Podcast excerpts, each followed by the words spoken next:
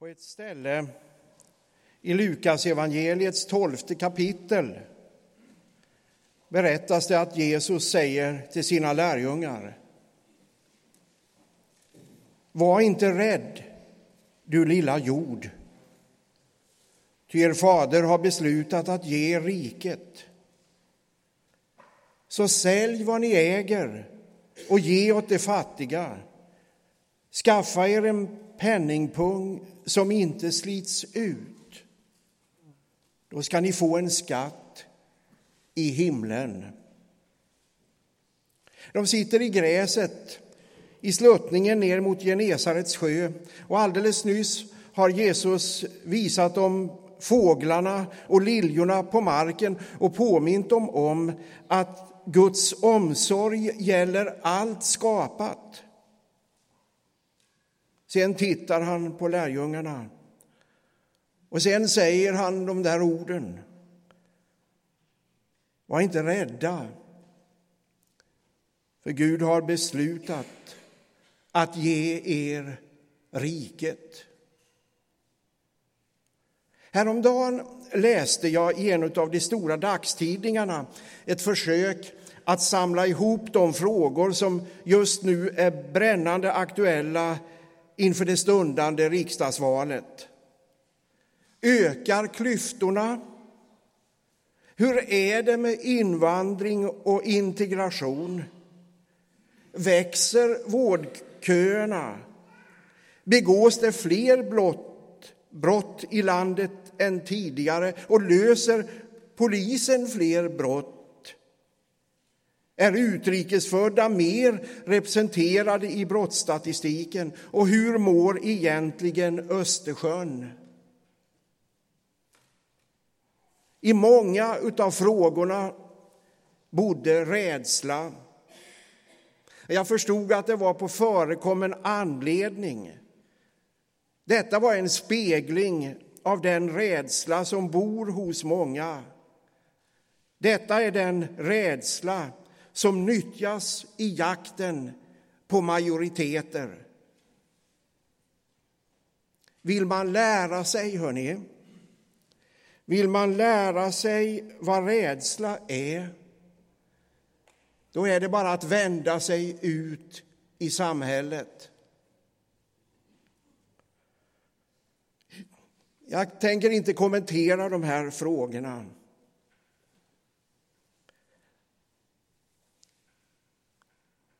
Men vart vänder man sig för att råda bot på rädsla?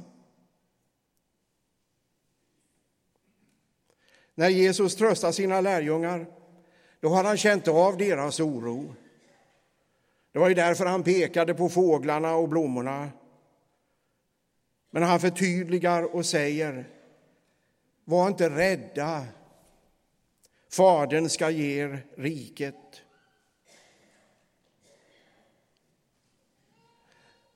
Och så samlar han lärjungarna.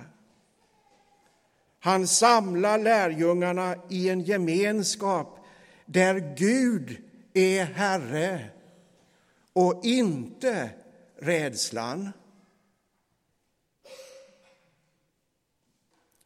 Guds rike var det som Jesus ständigt förkunnade. Han återkom till det gång efter gång. Det var inte ett landområde.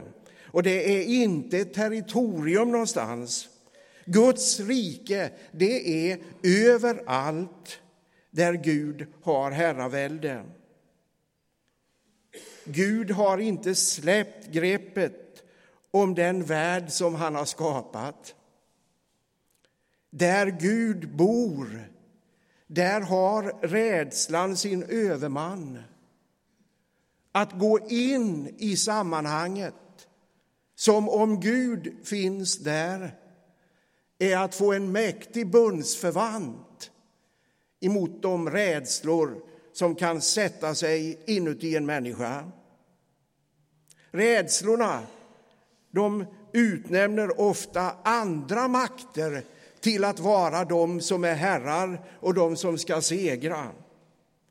Och man kommer inte alltid, hörni, man kommer inte alltid åt rädslan genom att argumentera. Jag tänkte på det när jag läste tidningen här om morgonen. Inte ens hederliga, inte ens pålästa och sakliga argument duger alltid.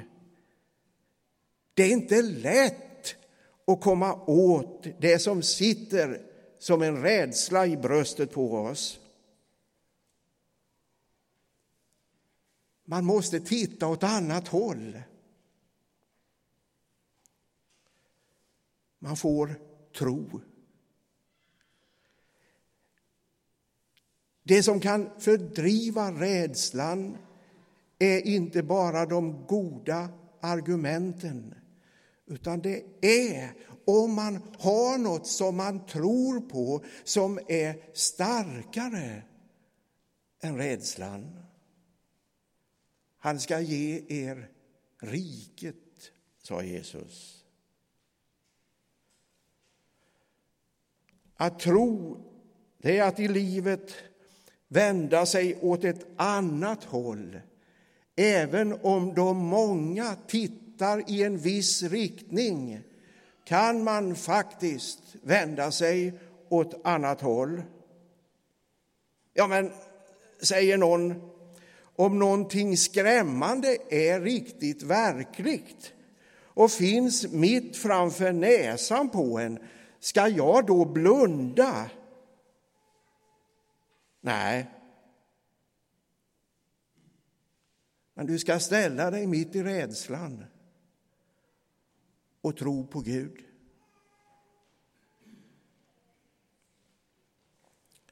Det handlar inte om att bli världsfrånvänd. Det handlar om att leva med en makt inuti sig som är starkare än rädslan och alla dess despoter. Jag tycker mig i den här texten se två riktningar. Den första handlar om att resa inåt. Inåt för att hitta styrka. Kyrkan, den här kyrkan, är platsen där vår tro kan växa. När vi möts på gatan hörni, då brukar vi fråga varann, hur är det? Och då kommer ofta svaret, jo, det går. Jo, det går. Även om det inte går.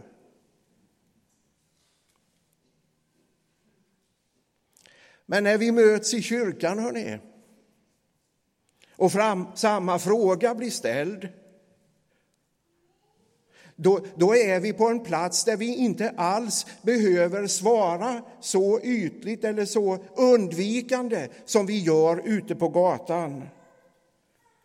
Här är nämligen platsen där vi i ett sådant ögonblick, när den frågan blir ställd, är tre stycken i sammanhanget. Du och den andre och Gud. Då öppnas där en annan dörr i vilken man kan gå in. Kyrkan är platsen där man går djupare in. Medan vi delar en kaffekopp ute på kyrktorget så möter jag din glädje och din sorg. Och du kan möta min. Och om vi tar en påtår och samtalet blir längre så kan du berätta för mig vad det är som bär dig när mörkret sluter sig omkring dig. Och då ska jag berätta för dig vad som bär mig när mörkret är tungt. Då ska jag berätta för mig, för dig om Gud. Och medan kaffet står och svalnar kan du tala om för mig vem din Gud är som bär dig. Och lägger vi ihop vår tro, du ger din till mig och jag ger min till dig, så blir tron större. Och för ett ögonblick är kyrkan för ett hisnande ögonblick är kyrkan vad den är ämnad att vara. Vi är i Guds rike. Och medan samtalet djupnar släpper rädslan sitt svåra grepp om oss. Var inte rädd, du lilla jord. Ty Fadern har bestämt att ge er riket.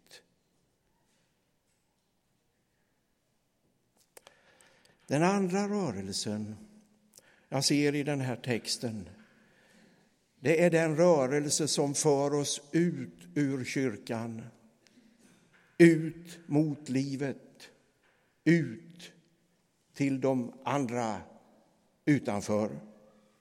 Sälj vad ni äger och ge åt de fattiga. Skaffa er en penningpung som inte slits ut så ska ni få en skatt i himlen. Oj då. Ska vi göra oss av med alltihop? Nej, kanske inte. Men jag tänker att det där ordet, hörni, det inbjuder oss till en större järvhet. En större järvhet än den vi kanske äger om vi bara är ensamma. Men om vi är flera och dessutom Gud är med oss då kan järvheten växa i oss. Guds folk är kallade till järvhet. Kommer ni ihåg? Ja, en del av er gör ju det. När den här kyrkan byggdes 1986 Förlåt, 76 var det, ja. Nej, jag var ju inte här då. Den byggdes 1976 och man spikade paneler, träpaneler bevars. Och så målade man den. Men den var ju rosa. ja. Man skrev om den i Expressen. Och folk kom hit och stod med gapande mun och tittade på alltihop. Den är ju inte vit. Den är ju inte ens grå. Gode Gud, den är ju skär.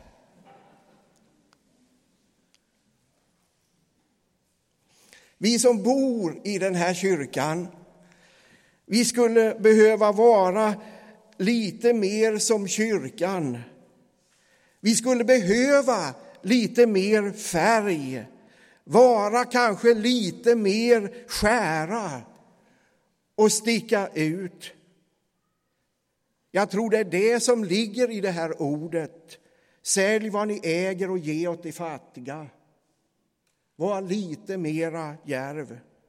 På 70-talet, nu är jag alldeles säker om årtalet, på 70-talet var jag ungdomspastor i Manuelskyrkan i Stockholm. Vi levde då i kölvattnet av den stora karismatiska vågen som dragit fram genom den svenska kristenheten som en slags islossning. Det sjöngs många körer och det bads mycket överallt och i små grupper. I kyrkan hade vi en stor ungdomsgrupp. Och när vi höll andakt med de där ungdomarna då flödade sången och den fria bönen utövades. Ibland sjöng vi en nästan lite galet uppsluppen kör som löd så här. Upp på mitt hjärtas borg står glädjens flagg i topp, står glädjens flagg i topp, står glädjens flagg i topp. Upp på mitt hjärtas borg står glädjens flagg i topp, ty konungen hemma ju är.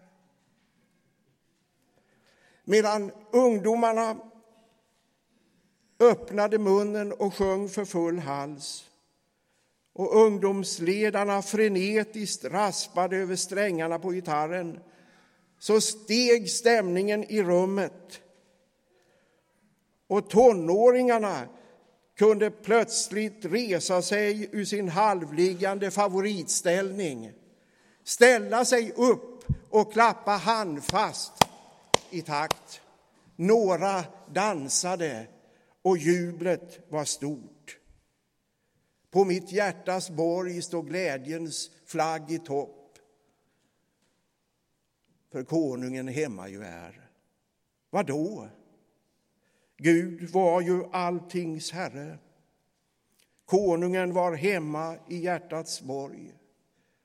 Vad hindrade att man hissade flaggan högre än vanligt? Man ville något med sitt liv. Något åt det där hållet. Sälj vad du äger och vinn någonting som varar. Så till sist. Kära vänner i Immanuelskyrkan. Nu börjar en ny verksamhetstermin. Hörrni, var inte så förtvivlat välanpassade. Var inte bara assimilerade. Var inte bara hyggliga och väluppfostrade. Men hissa flaggan och låt den vaja i vinden över detta kyrktak. Gud är hemma. Gud är Herre. Han är hemma i hjärtats borg. Låt den tron vara er tro. Låt den vara vår tro. Med den tron ska vi fördriva misströstan och rädslan ut ur våra kvarter och ut ur vår stad. Halleluja. Amen.